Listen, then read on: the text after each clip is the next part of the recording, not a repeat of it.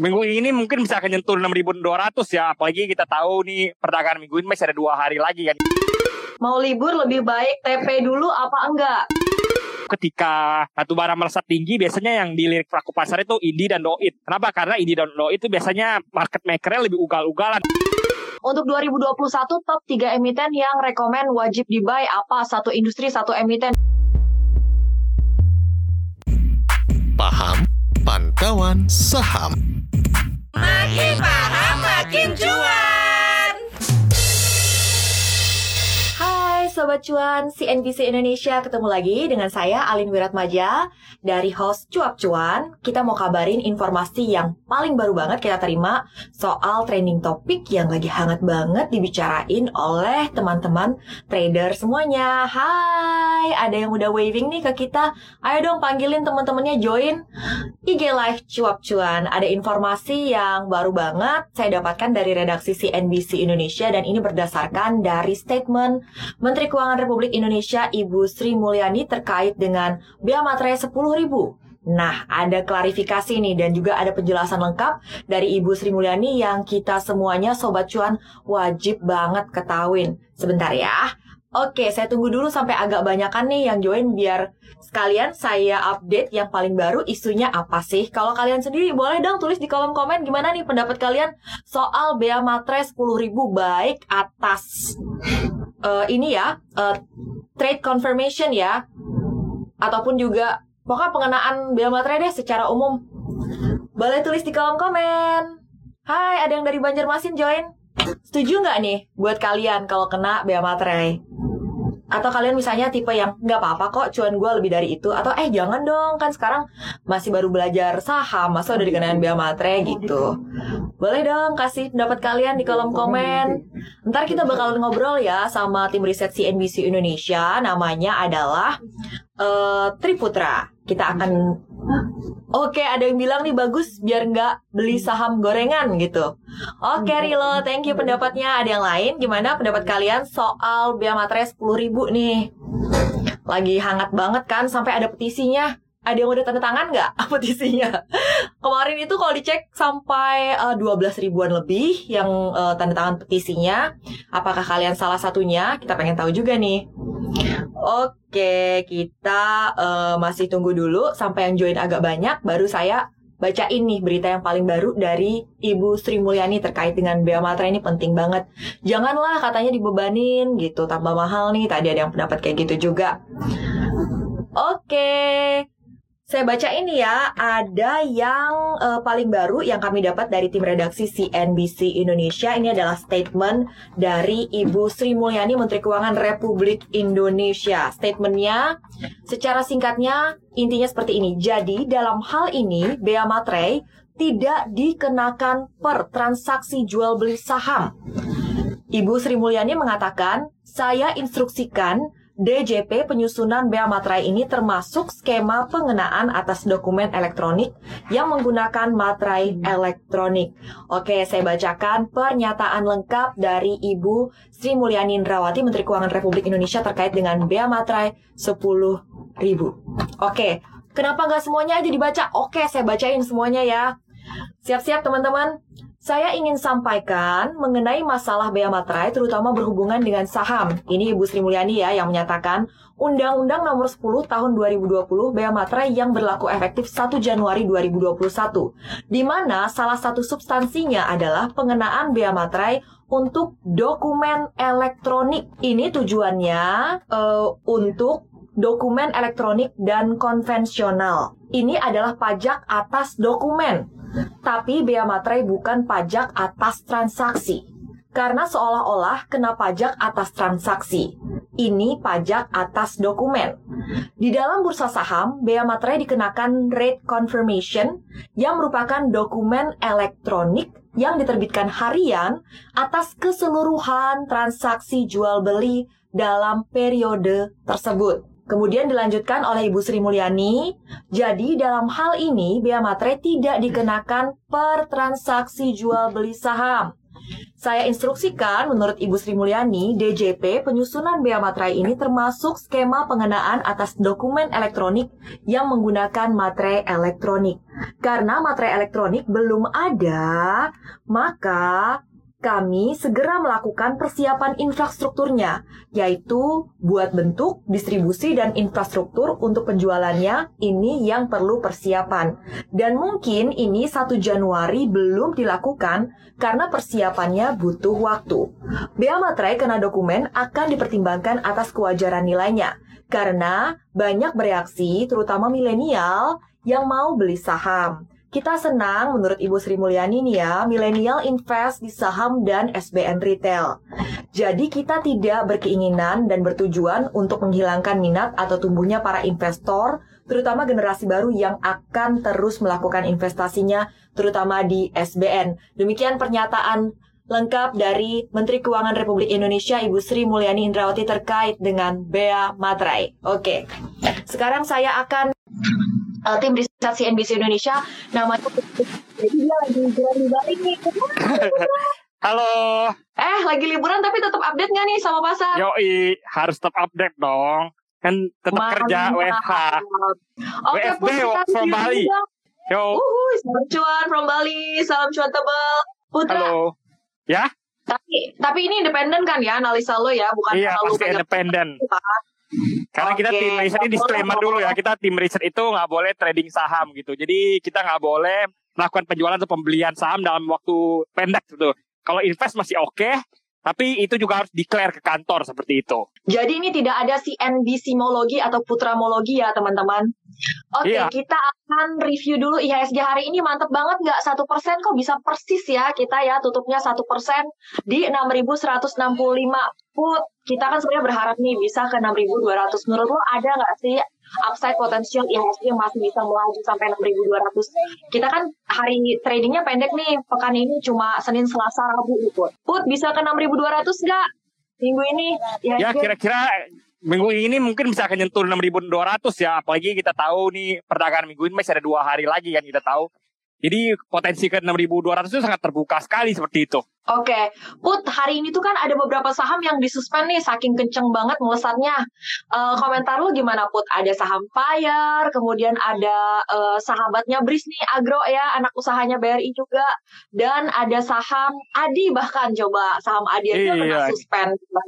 Ini yang menarik ini ada ada yang suspensi kedua ya kayak Fire itu udah masuk suspensi kedua. Jadi biasa suspensi pertama itu cuma satu hari doang. Lalu suspensi kedua biasanya waktunya tidak diberitahu bursa seperti itu.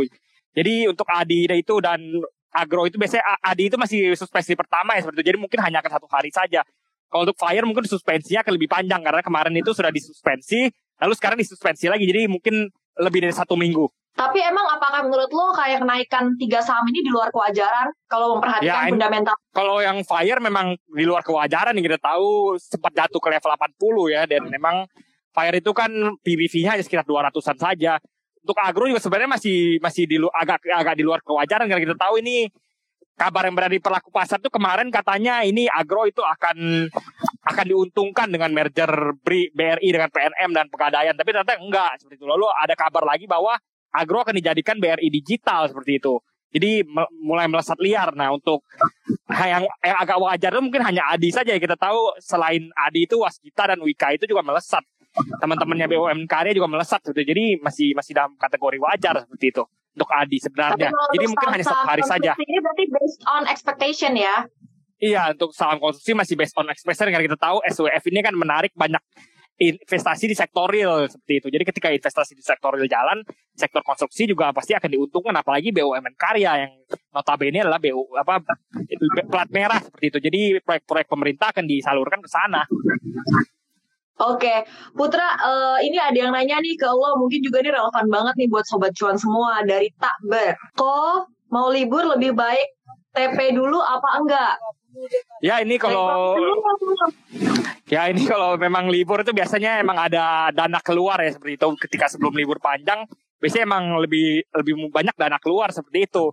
Ketika satu hari sebelum Natal lebih baik diamankan dananya seperti itu. Ketika so- kalau tidak ingin ah, misalnya sesuatu terjadi buruk misalnya libur panjang kan ada banyak ketidakpastian nih di hari-hari itu. Jadi lebih baik pergi dulu seperti itu untuk beberapa untuk trader lah. Tapi untuk investor ya jangka panjang ya so what seperti itu. Kita kan ingin nabung 3, 4, 5, 10 tahun. Mantep kok kita lihat nih di kolom question udah ada yang nanya. Teman-teman juga uh, bisa ya nanya ya ke kolom question ya. Bisa juga di kolom komen. Dari Novan Aputranto. Ini uh, soal aturan soal swap ini ngaruh nggak sih ke emiten penerbangan kok? Dan Ya. juga emiten-emiten terkait ya. Ya ini aturan soal swap ini kan pasti mer- merugikan kita tahu penerbangan dan sektor pariwisata ya seperti itu. Nah ini menariknya itu kemarin itu disebutkan bahwa cancelnya hotel aja mencapai 300 m seperti itu. Jadi ini berarti sangat merugikan sekali. Makanya kemarin kan sempat direvisi kan tadi sebelumnya itu dari tanggal 18 itu tidak boleh pergi ke Bali harus menggunakan PCR. Tapi akhirnya direvisi 18 boleh tidak menggunakan PCR, 19 baru harus PCR seperti itu. Jadi memang sudah ada kompromisasi dari kementerian lah seperti itu. Makanya Koko Putra bisa liburan di Bali nih ya. Iya. Oke, kok ini kan kita tahu hari ini juga ada sentimen penandatanganan MOU antara eh, pemerintah Indonesia dengan eh, LG Chemical Solution nih untuk bisnis eh, battery 130 triliun nilainya. Ini bakalan dampaknya positif nggak kok ke emiten-emiten yang tergabung dalam Mind ID, emiten-emiten energi dan juga komoditas eh, milik pemerintah Indonesia nih. Ya memang Man ID ini kita tahu udah diekspektasikan akan seperti ini apa penandatangannya udah dari kemarin-kemarin ya. Jadi hari ini walaupun menghijau, menghijaunya terbatas saja seperti itu. Nah bisa dilihat ini dalam jangka panjang sebenarnya masih ada potensi upset seperti itu. Seperti diketahui ini Antam ini udah mulai dikoleksi asing dan manajer investasi, reksadana dan lain sebagainya. Karena kita tahu sebelumnya Antam ini kan laporan keuangannya suka angin-anginan ya. Kadang-kadang ketika komunitas buruk dia terpaksa terkorek apa merah, terpaksa merugi secara kuartalan walaupun secara tahunan masih untung seperti itu.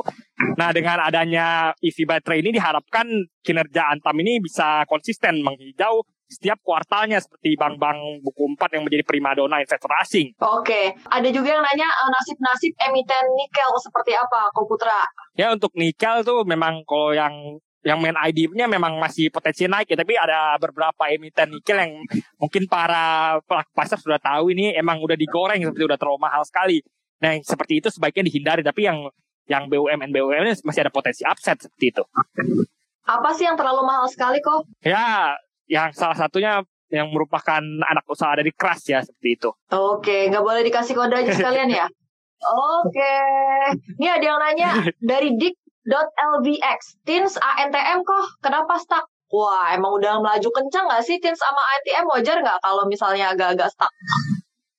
Ya Gimana, karena memang seperti Kalau saya katakan yang lebih seperti komprehensif. saya, ya seperti saya katakan tadi kan memang ini ekspektasi sudah dari jauh-jauh hari ya kita tahu Antam dan dan main ID anak usahanya lain itu sudah terbang hampir dua kali lipat dari sejak level level sebelum, sebelum diumumkannya EV berat baterai seperti itu. Jadi ketika ini newsnya sudah keluar, jadi kenaikannya juga sos-sos saja seperti itu karena udah diekspektasikan ini. Nanti ke depannya kita akan lihat apakah benar ini kinerjanya akan membaik gara-gara EV baterai. Nah itu yang akan ditunggu di, di nanti-nanti oleh para pelaku pasar seperti itu. Oke, teman-teman yang mau tanya saham-saham atau mau tanya sektor apa pun boleh tanya ya di kolom komen ataupun juga di kolom Q&A. Kita akan tanyakan nih ke Putra katanya dia siap ditanyain emiten apa aja dia siap. Wih, gaya ya. Oke Put, hari ini tuh kayak ada dua sektor yang melaju teramat kencang ya, sangat eh, mantap banget penguatannya ya Put. Coba kalau kita lihat nih salah satunya emiten sektor eh, pertambangan ya, Ya pertambangan sama agri hari ini yang pertambangan kencang. agri Put. Nah Iya. ini dari pertambangan dan agri memang komoditas itu sedang baik-baiknya karena kita tahu nih vaksin corona akhirnya memulihkan ini memulihkan ekspektasi pasar terhadap komoditas itu. Jadi permintaan akan komoditasnya dari batu bara, oil, CPO itu mulai kembali pulih seperti itu dari pasca diserang pandemi seperti itu. Nah, jadi kita bisa lihat contohnya batu bara itu sudah terbang tinggi ya udah, udah di bahkan digadang-gadang itu bisa tembus ke 100. Nah, untuk batu bara yang menarik itu ketika batu bara melesat tinggi biasanya yang dilirik pelaku pasar itu Indi dan Doit. Kenapa? Karena Indi dan Doit itu biasanya market makernya lebih ugal-ugalan kalau PTBA itu kan menjualnya kepada PLN ya. Jadi pakai HBA harga batu bara acuan. Jadi yang lebih lebih lebih akan melesat kencang ketika batu bara terbang tinggi ya Indi dan Doit biasanya secara historis seperti itu. Oke, Eh, kadang-kadang memang nggak sejalan ya fundamentalnya mana yang lebih bagus tapi yang mana gitu yang lajunya lebih kencang. Iya. Koko, ada Ini yang ada yang nanya nih dari Dita Wiljayanti. Hai Dita, consumer goods kok stuck banget nih compare sama sektor lain kok? Ya ini consumer goods kan kita tahu ya memang lagi di net sale asing gede-gedean ya. Salah satunya karena kita tahu ini kan sektor defensif begitu. Seperti emas yang defensif, safe haven katakan. Nah ketika lu simpan saham di safe haven, saham-saham defensif, lu punya trade off. Trade offnya tuh gimana kalau misalnya lu nggak simpan di saham ini, lu simpan di saham-saham siklikal yang nanti akan diuntungkan dengan adanya vaksin corona, perputaran ekonomi yang yang bisa berputar kembali. Nah, ketika lu saham simpan saham di defensif ya sosok aja seperti itu ketika diserang pandemi hanya turun sedikit, ketika sembuh dari pandemi juga hanya naik sedikit pendapatannya seperti itu. Jadi harga sahamnya juga perubahannya sosok saja karena sektornya memang defensif bukan siklikal. Jadi para pelaku pasar melarikan dananya dari saham-saham sektor defensif ke sektor siklikal. Jadi malah tertekan yang kita tahu INDF dan ICBP itu di, level terendahnya di selama tiga bulan terakhir gara-gara sentimen vaksin ini seperti itu. Oke, kalau buat yang long term, apakah sudah waktunya masuk tuh ke saham-saham consumer goods yang kayaknya stuck nggak ke mana-mana ini? Ya kalau misalnya Anda ingin simpan long term, ingin aman-aman saja gitu gitu. Ketika lu apa, lu simpan investasi di tempat yang aman, kan lebih lebih baik daripada lu simpan di saham siklikal. Kalau misalnya memang lu investor yang toleransi risikonya rendah ya koleksi saja saham-saham defensif ini seperti itu. Ini okay, ada go. pertanyaan menarik nih. Oh, yang ini dulu ya. Nih, ada, ada cari ya. Untuk 2021 top 3 emiten yang rekomend wajib di buy apa? Satu industri, satu emiten. Mau jawab nggak lo Put nih? Nih, gue jawab dulu ya. Ini gue kasih industrinya aja ya. Ini kemarin udah gue sebut-sebut ini industri yang menarik di 2021. Kita kan tahu ini baru, baru saja ini stimulus fiskal jumbo di AS ini kan baru saja gol seperti itu.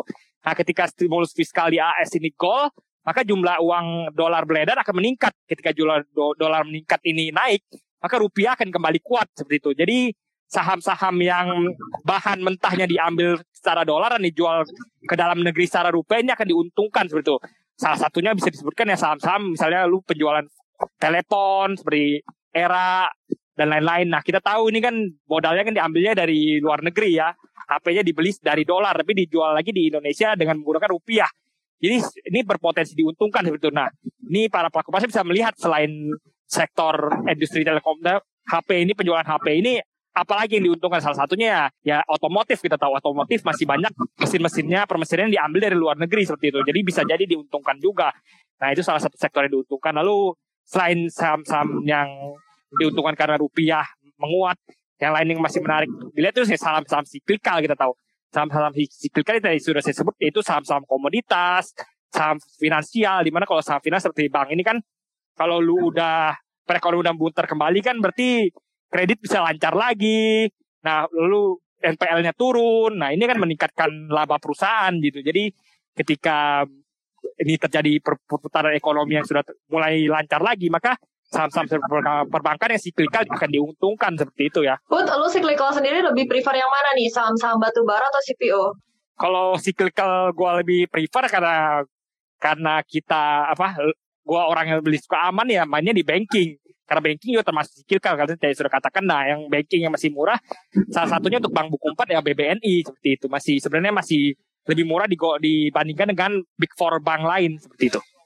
Masih belum balik ya dari efek pandemi ya kalau untuk BBNI. Iya masih masih terkoreksi dua digit lah karena kita tahu ini di kuartal ketiga terpaksa merugi ya seperti itu sudah lama BBNI nggak merugi tapi di kuartal ketiga kemarin terpaksa merugi seperti itu. Tapi kan ini kita bisa lihat ruginya tuh pencadangan ya ruginya itu hanya berupa pencadangan saja sebenarnya. Jadi ini di kuartal keempat potensi kembalinya itu sangat tinggi sekali situ. Jadi ketika kembali beruntung maka naiknya bisa dikatakan berkali-kali lipat seperti itu. Oke, ada pertanyaan. Oke, Carica nanya lagi. Kita akan bahas setelah ini. Uh, kita kasih kesempatan dulu untuk pertanyaan dari Nesa Shofar. Pegas ngegas nggak kok? Hmm. Pegas juga salah satu yang masih menarik ya BUMN yang masih terkoreksi gede.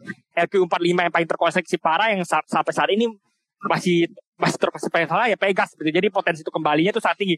Nah kita tahu Pegas tuh sebenarnya tuh terkena pukulan ganda seperti itu. Jadi kemarin Januari sebelum bahkan sebelum 2020 Mas tahun 2020 Mas dari tahun 2020 itu Pegas kan kita tahu terkena banyak kasus seperti kasus Wana Arta atau kasus kasus MI MI lain yang ternyata bermasalah seperti reksadananya lalu terpaksa dilikuidasi oleh OJK. Nah, ketika likuidasi maka banyak para pokoknya mereka mereka ini yang megang banyak Pegas, portofolio di Pegas biasanya sangat besar sekali seperti itu. Nah mereka ini biasanya akan menjual di pasar. Nah ketika lu jual di pasar dalam jumlah besar, biasanya akan tertekan. Makanya kita lihat di Januari 2020 ketika pan, ketika corona ini belum menjadi pandemi, Pegas tuh udah longsor terus, udah mulai turun terus. Nah ketika adanya pandemi maka penurunnya akhirnya kita tahu makin malah makin parah ya kita tahu. Nah sekarang udah mulai agak rebound kembali. Nah dengan kita tahu karena masih terkoreksi parah maka potensial upsetnya juga gede banget gitu. Dia rata-rata uh, eh, PBV-nya yang normal berapa sih kalau nggak kena efek pandemi put? Di atas 2000 ribuan tuh masih masih bisa masih terbuka sekali kembali ke level di atas 2000 seperti itu. Oke. Okay. panjang ya. Betul, betul. Oke, sekarang Ini ada yang nanya uh, menarik nih. Ada yang nanya menarik nih. Isu 5G kok nggak terlalu ngaruh buat emiten dan lisensinya ini Menarik kedua saya bahas juga. Yang itu bisa Iya. Iya malah Isat itu melesat kan? Isat melesat. Iya. Nah ini Jelaskan udah saya udah saya bahas di CNBC Indonesia juga ini tuh hanya bagian tahap pertama saja. Tahap pertama lelang frekuensi 5G. Nah, seperti yang direkturnya Isat katakan ini nanti 2022 tuh akan ada lelang lagi seperti itu dan kemungkinan besar di lelang kedua ini baru Isat dan Excel akan serius seperti itu untuk mengambil lelang ini. Nah, ketika kemungkinan besar kemungkinan besar ini Isat dan Excel bakal berhasil ngambil lima gini. Hanya kemungkinan kecil saja mereka akan gagal karena kita tahu ini akan sangat menguntungkan baik dari emiten maupun maupun kita sebagai pengguna ya karena kita karena kecepatan 5G ini berkali-kali lipat lebih tinggi daripada 4G seperti itu. Oke, Put tapi kenapa isatnya sampai melesat banget? Salah satunya yang menjadi salah satunya yang menjadi sentimen pendorong isat kemarin itu dikatakan nanti kemarin itu tuh kan Bu, Bu Sri Mulyani sudah menyerahkan aset-aset negara ya aset-aset negara kepada Pak Menteri BUMN Pak Erick Thohir untuk dikelola. Nah ini menarik. Salah satu yang diserahkan itu BBKP dan ISAT, Bank Bukopin dan Indosat. Nah karena kita tahu pemerintah RI masih megang saham di baik di Bank Bukopin dan ISAT ya. Nah kita lihat apakah nanti setelah diserahkan ke Pak Erick ini di Pak Erik akan melakukan manuver-manuver di kedua emiten. Ini kan menarik karena kita tahu Pak Erik itu midas ya. Emiten apa yang disentuh tuh bisa jadi emas seperti Pak. Seperti kita tahu ketika BRIS digabung, dilebur, harganya melesat. Lalu SKT dan kawan-kawannya emiten bangun karya juga melesat seperti itu.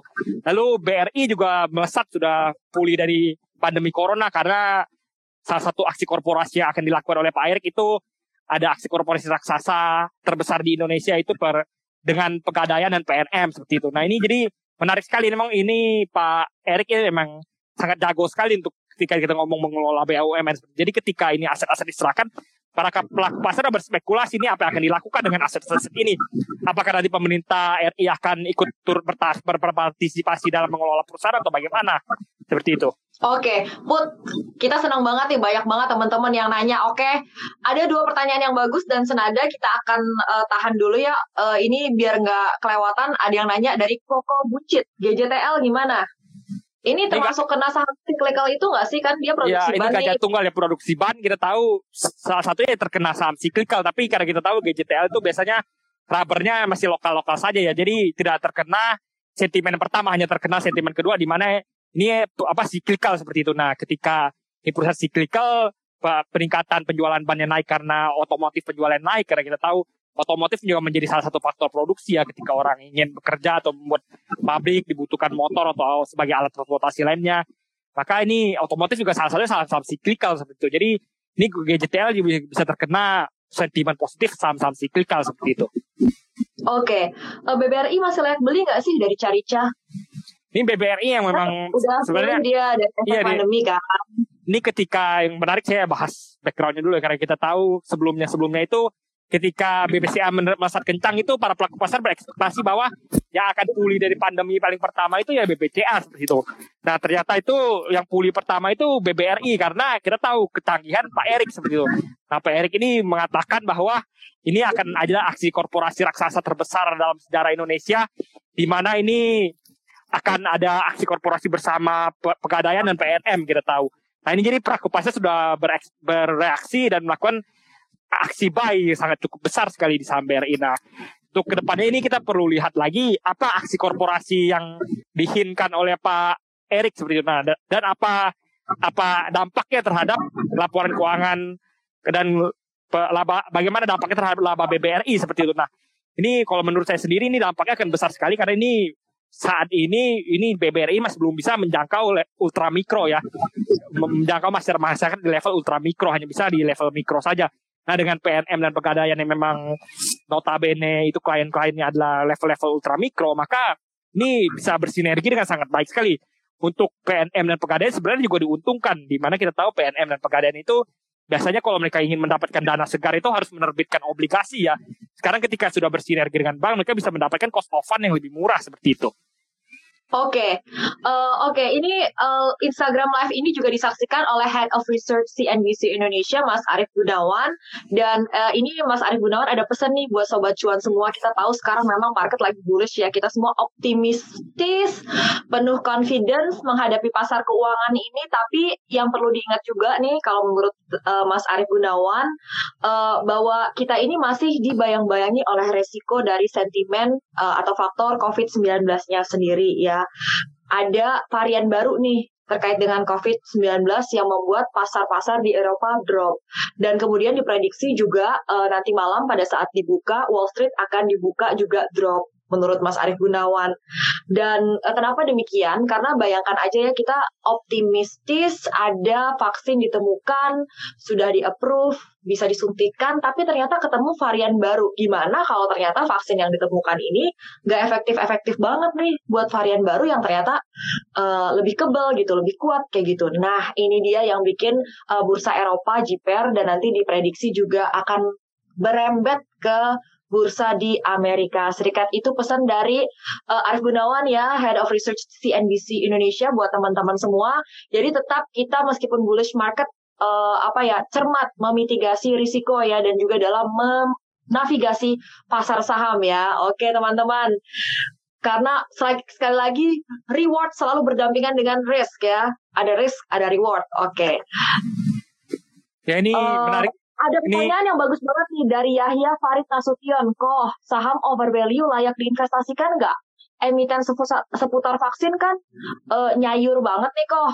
Sampai kapan bertahan? Nah, sayur nah, ini, ini menarik sekali ya, ini layak diinvestasikan. Nah, kalau investasi berarti akhirnya konotasinya simpan jangka panjang. Ketika lu simpan jangka panjang di saham yang terlalu mahal, hanya ada dua kemungkinan. Kemungkinan pertama ketika lu di apa laporan keuangannya buruk buruk buruk buruk buruk maka harga sahamnya juga tertarik ke buruk. Tapi kalau misalnya laporan keuangan yang berhasil terbang terbang tinggi, maka harga sahamnya walaupun sudah terbang tinggi mungkin akan hanya akan terkoreksi kecil saja. Nah ini menarik saya pertanyaannya apakah ini KF dan INAF ya seperti sudah dikatakan saham-saham farmasi, saham-saham vaksin ini apakah bisa terbang tinggi menyampai sampai ke level ter, di saat ini seperti kita tahu saat mahal kalau ketika ini saat mahal maka laporan keuangannya harus membaik juga dong untuk untuk mengimpact untuk menyamai lah seperti itu katakan. Nah ini berarti ketika PR-nya sudah sampai ada KF itu enough itu masih minus artinya turnovernya harus tinggi sekali seperti itu jadi turnover sudah masuk ke area yang sangat sulit untuk dicapai seperti itu. Jadi untuk investasi itu tidak menarik sebenarnya. Tapi apa yang menarik itu ketika lu apa para investor ini para trader-trader ingin trading buy dalam jangka pendek atau menengah seperti itu. Nah, untuk saham-saham Inaf KF ini kan kita tahu masih belum masih masih ada masih ada sideways ya seperti itu. Setelah kemarin melesat tinggi sekarang udah mulai sideways kembali, agak terkoreksi sedikit tapi trennya masih tren sideways. Nah, yang menarik ini apakah akan digoreng lagi pertanyaan seperti itu. Nah, yang dari penelitian tim riset CNBC Indonesia ini selama tahun 2020 ini ada distribusi besar-besaran di saham KF dan INAF. Distribusi ini bisa dilihat dari peningkatan laba apa peningkatan jumlah investor retail yang memegang saham KF dan INAF ini. Jadi jumlahnya itu terus meningkat. Tadinya hanya sedikit, hanya puluhan persen, naik-naik terus seperti itu. Ketika adanya distribusi ini, maka akan jadi pertanyaan ketika bandarnya yang mendistribusikan sudah habis barang, maka tidak ada kepentingan lagi untuk harganya dijaga seperti. Jadi sebenarnya harus hati-hati. Mungkin masih ada goreng apa masih akan digoreng untuk saya berpendapat dari tim riset sendiri berpendapat mungkin ketika vaksin itu di mass deploy ketika disuntikan ke manusia terutama di Indonesia mungkin akan digoreng sekali lagi untuk terakhir kalinya setelah itu mungkin akan dibanting jatuh seperti itu. Jadi harap berhati-hati masih ada potensi itu kenaikan tapi sangat berbahaya untuk diinvestasikan. Oke, sebelum kita bahas eh, emiten-emiten lainnya, wah rame banget pertanyaannya luar biasa Sobat Cuan. Terima kasih ya antusiasmenya si Koko sampai batuk habis suaranya teman-teman. Gue minum dulu ya, gue minum dulu boleh nggak? Air laut dulu, boleh bentar. boleh. Air laut. Koko capek, cuap-cuap cuan dulu. Kita kasih kesempatan dulu ya untuk Tri Putra minum air dulu ya. Oke, apakah dia minum air laut atau air yang lain? Oke, Put. Halo, ya. Makasih Koko dan cuap cuan kata Yahya. Oke, makasih Yahya. You're so kind. Oke, sekarang kita ke pertanyaan yang tadi ya. Ini ini mirip-mirip nih kok. Dan ada ya dari Hartanto underscore Bobby. Tins Inko ANTM HRUM Harum. Yang punya nikel paling oke mana bro dan sis? Kemudian I am handy, ini juga senada pertanyaannya. Untuk emiten yang terkait green energy, seperti apakah potensinya di tahun 2021? Minta referensi emitennya. Gimana tuh kok? Ya saya jawab yang green energy dulu ya. Salah satu yang green energy ini kita tahu di- lagi didorong-dorong sama pemerintah ya. Beberapa emiten-emiten green energy biasanya dapat subsidi berupa pemotongan pajak atau lain sebagainya. Nah, salah satu yang menarik dilihat yang masih murah itu ada emiten PLTA, pe- pemakai listrik tenaga air itu KIN, Kencana Energi itu sebenarnya masih murah untuk dikoleksi. Tapi ini pelaku pasar harus mencermati ya karena kita tahu Nggak liquid ya kok? apa? Nggak liquid bukan sahamnya. Iya sahamnya itu kurang liquid sebetulnya. Jadi untuk investasi atau trading jangka pendek itu kurang menarik seperti itu. Tapi jika diinvestasikan di jangka panjang itu masih menarik karena PBV-nya masih di bawah satu seperti itu. Masih murah lah dikatakan. Oke. Lalu ini Kok untuk pertanyaan pertanyaan yang tadi masih satu lagi itu emiten nikel yang baik yang yang paling menarik mana? Salah satu untuk kalau saya ngomong tentang potensial gain yang paling tinggi, salah satu yang masih menarik sebenarnya Antam. Karena kita tahu Antam seperti saya katakan tadi dikoleksi oleh investor-investor besar, reksadana, manajer investasi dan beberapa aset sudah mulai masuk seperti itu. Nah untuk jangka panjangnya kemungkinan untuk break level ting tertinggi di tahun dua tahun tiga tahun sebelumnya itu masih ada ada potensi kenaikan lah seperti itu. Tapi kan itu naiknya udah kenceng banget kok. Di level berapa entry-nya aman nih buat teman-teman? Ya Antam ini sebenarnya walaupun sudah naik kencang itu masih belum naik ke masih belum tembus level tertinggi sepanjang sejarahnya ya seperti itu. Jadi sebenarnya untuk dikoleksi misalnya ingin dikoleksi jangka panjang itu masih menarik karena kita tahu nih EV baterai apa mobil mobil tenaga listrik ini akan jadi masa depannya sektor otomotif di kadang-kadang seperti itu. Nah, salah satu yang komponen pentingnya di sektor mobil elektrik ini kan baterai di mana nikel adalah salah satu apa bahan-bahannya baterai seperti itu, baterai mobil listrik. Nah, ketika dan harga nikel juga terus naik dari tahun ke tahun seperti itu. Jadi sebenarnya masih menarik sekali untuk dipantau. Emiten-emiten seperti Antam seperti itu. Oke, ini dari Edi underscore auto. Tapi dia nanyanya saham rokok, teman-teman. Meskipun dia siklikal ya. Oke, saham rokok gimana prospek ke depannya Koko? Apa bisa balik atau akan berdiam di level sekarang aja karena cukai? Ini saham rokok ini kan kita tahu ya kemarin dari tahun kemarin udah dihajar sangat parah sekali. Untuk kembali ke level tahun sebelumnya ketika anjlok parah itu sepertinya masih dalam jangka pendek, dalam jangka panjang misalnya 3 4 5 tahun mungkin masih belum akan kembali ke level tertinggi di tahun 2019 ya, tapi untuk di tahun 2020 kenaikan untuk di tahun 2021 untuk naik ke level awal tahun 2020 masih terbuka seperti itu. Oke, kok ada pertanyaan dari @irawan.ardiansyah. Prospek untuk emiten batubara seperti PTBA dan ITMG ke depan gimana utamanya di 2021? Apalagi harga batubara saat ini menyentuh USD 80 dol eh, ya, USD 80 per ton. Sejauh apa akan berpengaruh ke harga saham batubara? Seperti apa? Ya ini untuk yang menarik kita lihat dari pertama pertanyaan PTBA dulu ya. PTBA itu kan BUMN ya, di mana mereka salah satu klien terbesarnya PLN. Nah PLN ini biasanya beli dari harga HBA, harga batu bara acuan seperti itu. Nah jadi biasanya ketika BU apa nih, harga batu bara Newcastle yang menjadi acuan bat- harga batu bara global itu melesat kencang, PTBA biasanya adem ayam walaupun menghijau ya tipis-tipis saja seperti itu. Nah kalau untuk emiten emiten batu bara yang terkenal secara historis melesat kencang ketika harga batu bara Newcastle terbang ini biasanya Indi dan Doit seperti itu. Nah, di mana kemarin in- sebelumnya Indi sempat terbang ke level 4000 seperti itu ketika batu bara di level 100 US per ton. Nah, jadi ketika ya, batu bara ini melesat kencang terus, maka masih menarik untuk dilihat Indi dan Doit ini. Oke, ini ada jawaban tambahan untuk at I am handy, emiten-emiten yang terkait dengan green energy. Ini jawaban langsung dari Head of Research CNBC Indonesia yang memang dia kuliah masternya adalah bidang green energy. Perhatikan ya Handy jawabannya nih. Oke, satu PT Teregra Asia Energi Tbk (TGRA) itu ya emiten terkait energi. Kemudian pilihan lain PT Sky Energi Indonesia (TBK JSKY). Pilihan ketiga PT Kencana Energi Lestari Tbk atau KIN. Keempat PT Wijaya Karya Persero Wika. Nah, saya juga baru tahu Wika ternyata juga termasuk emiten green energy ya. Oke, semoga membantu ya. I'm Handy, boleh dikasih jempolnya jika sudah menerima jawaban ini. Oke, teman-teman yang lain boleh kasih pertanyaan di kolom question atau di kolom komen. Kita masih ada 7 menit lagi nih live from Bali nih dari Triputra. Luar biasa kalau dikasih tim riset CNBC Indonesia lagi cuti holiday aja masih kerja. Hmm. Demi sobat ini nggak cuti nih, sebenarnya masih kerja ini WFH, WFB work from oh. Bali. Oh, work from Bali. Jadi masih nulis juga seperti itu. Oh, masih nulis. Oke, okay. ya, katanya okay, ayam sih. Hatur nuhun uh, Mas Arif Gunawan untuk jawabannya tadi. Oke, sekarang ada pertanyaan dari Putra Saputra 7076 temennya kembarannya Triputra nih ya. Emiten properti ke depannya gimana kok? Seperti Wika misalnya. Ya ini propertinya pertanyaannya properti konstruksi atau memang properti perumahan ya untuk untuk properti perumahan sebenarnya masih menarik. Sebenarnya itu bisa dilihat itu karena properti ini tuh masih belum kembali ke level awal tahun ya untuk beberapa emiten ya dan beberapa yang udah terbang tinggi seperti Astri APLM udah terbang tinggi udah nggak menarik secara fundamental tapi ada beberapa emiten-emiten yang masih menarik seperti SMRA, Pewon itu sebenarnya jangka panjang masih menarik karena masih belum kembali ke level awal tahunnya. Nah untuk emiten-emiten konstruksi itu sektor apa salah satu sentimen penggerak utamanya itu kan kita tahu dari SWF ya di mana ketika SWF ini lancar dan omnibus ini jalan lanjut terus maka banyak investasi di sektor real akan masuk Indonesia. Ketika investasi di sektor real masuk ke Indonesia, maka salah satu emiten yang paling diuntungkan ya BUMN karya di mana mereka konstruksi dan akan di, di anak emaskan lah ketika ingin menangani proyek-proyek pemerintah seperti itu.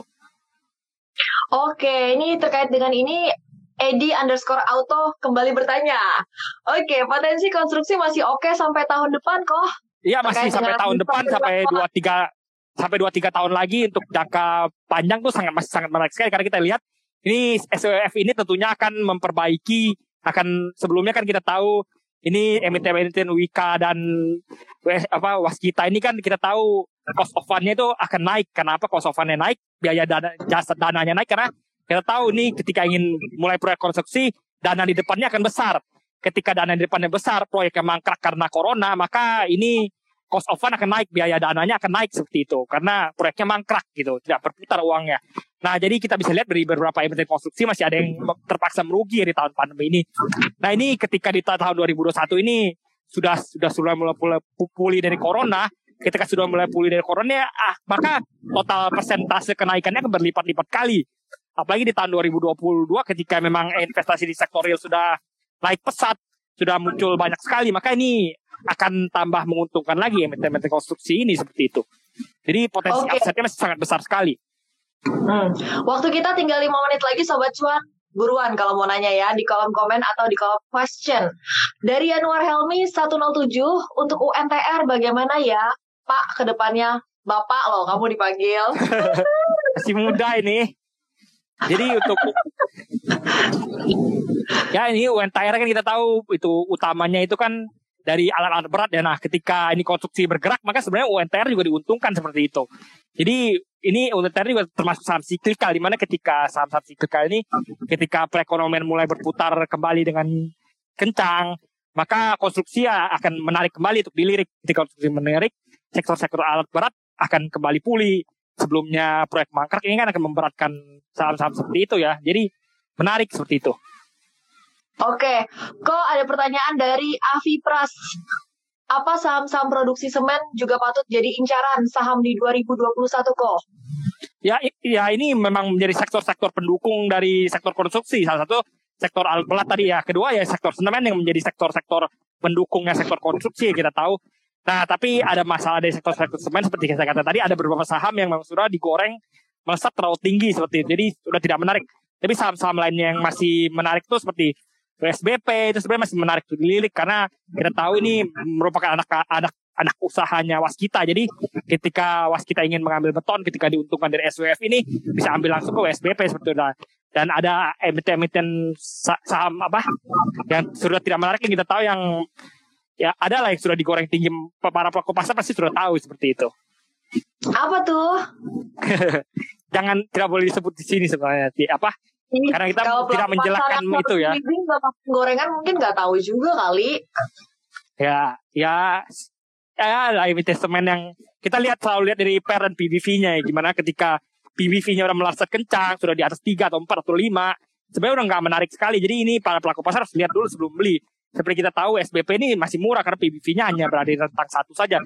Dan tapi ada beberapa emiten semen yang memang udah melesat kencang. Jadi tidak menarik untuk beli. Jadi jadi untuk trading hold untuk jangka panjang di emiten semen cari yang masih murah seperti yang masih di sekitar satu PBV-nya. Oke, okay, kis ya, dari Rian PTFM SMBR katanya, bukan saya yang nyebut ya itu. Oke, okay, thank you sobat cuan. Sekarang ada pertanyaan nih Kau Putra. Uh, kita sisa dua menit lagi nih dari Kelvin Agung, emiten pulp and paper gimana kok INKP tapi dia INKP dan Tekim memang sebenarnya ini INKP dan Tekim tuh murahnya agak semu sedikit ya karena kita tahu ini kemarin tuh labanya sempat melesat tinggi karena rupiah melemah. Nah ketika rupiah melemah ini INKP dan Tekim ini yang banyak mengekspor produk-produknya ke luar negeri. Ini diuntungkan karena mereka mendapatkan pendapatan dari dalam bentuk USD ketika dikonversikan menjadi rupiah maka naiknya tinggi sekali seperti itu. Jadi sebenarnya semu sekali karena kita tahu ke depannya ini akan di kedua emitennya akan dirugikan karena ini stimulus dari fiskal AS yang jumbo ini sudah berhasil gol. Ketika stimulus jumbo AS ini berhasil gol, maka seperti saya tadi katakan, ini jumlah dolar beredar akan meningkat ketika jumlah dolar beredar meningkat maka rupiah akan menguat. Ketika rupiah menguat maka ini akan terjadi sebaliknya terhadap INKP dan Tekim ketika sebelumnya dolar menguat ya dolar menguat mereka untung. Ketika dolar melemah eh, ketika dolar melemah mereka apa rupiahnya melemah mereka diuntungkan. Ketika nantinya rupiah menguat mereka akan dirugikan seperti itu. Jadi harap berhati-hati di NKT dan Tekim jangan akan sulit lah bagi perseroan untuk mengulangi kinerja yang menterengnya di kuartal satu dan kedua di tahun kema tahun ini di tahun ke depan akan sulit diulang seperti itu. Oke, tinggal satu menit lagi. Di sebenarnya masih ada pertanyaan, friend uh, ICBP, tapi kita nggak akan jawab karena kita mau pakai satu menit terakhir ini untuk uh, pesan-pesan dari Putra untuk teman-teman yang saat ini sedang uh, trading ataupun juga investasi di bullish market ya karena momentum pemulihan. Apa sih yang tetap perlu kita perhatiin? Apa sih yang tetap perlu kita waspadain? Ya ini sebenarnya kalau gimana? Kalau untuk bullish market itu sebenarnya strateginya ya lu beli saham apa aja ya untung seperti itu. Tapi ketika lu bullish bullish terus terus pasti akan ada koreksi dan ketika koreksi maka jumlahnya mungkin tidak akan akan akan sangat gede sekali apalagi kita seperti tadi Bang Argun katakan ini ada corona varian baru seperti itu. Nah, jadi ketika ini ada koreksi maka bisa akan anjlok secara tiba-tiba. Jadi ini harus diperhatikan sangat baik ya ketika lu trading lu harus pasang stop loss ketat Gak boleh takut untuk stop loss seperti itu. Jadi investor juga jangan maunya take profit aja, tapi harus berani stop loss seperti itu pesan dari saya. Kalau yang investing dipasangin trailing stop juga nggak kok? Kalau investing untuk lu kalau jangka sangat panjang, jangka panjang sekali nggak usah, lu aman-aman aja lu. Ketika koreksi lu tambah barang seperti itu. Gak usah takut karena dalam jangka panjang saham itu pasti akan kemungkinan besar naik ke atas seperti itu. Secara umum. Oke. Jadi teman-teman harus clear dulu ya mau investasi atau mau, mau trading. trading. Oke, Koko terima kasih banyak ya waktunya uh, Triputra ya langsung dari Bali ya. Oke, okay. uh, eh, ini tadi uh, pertanyaan teman-teman. Saya terima kasih banyak, sudah banyak banget yang kasih pertanyaan, antusiasmenya juga luar biasa. Semoga teman-teman semua cuan ya mengarungi pasar Indonesia dan sobat-sobat cuan. Maksudnya jangan lupa ya dengerin podcast cuap-cuap cuan di Spotify, Apple Podcast dan Google Podcast. See you, salam cuan semuanya. Cuan. cuan.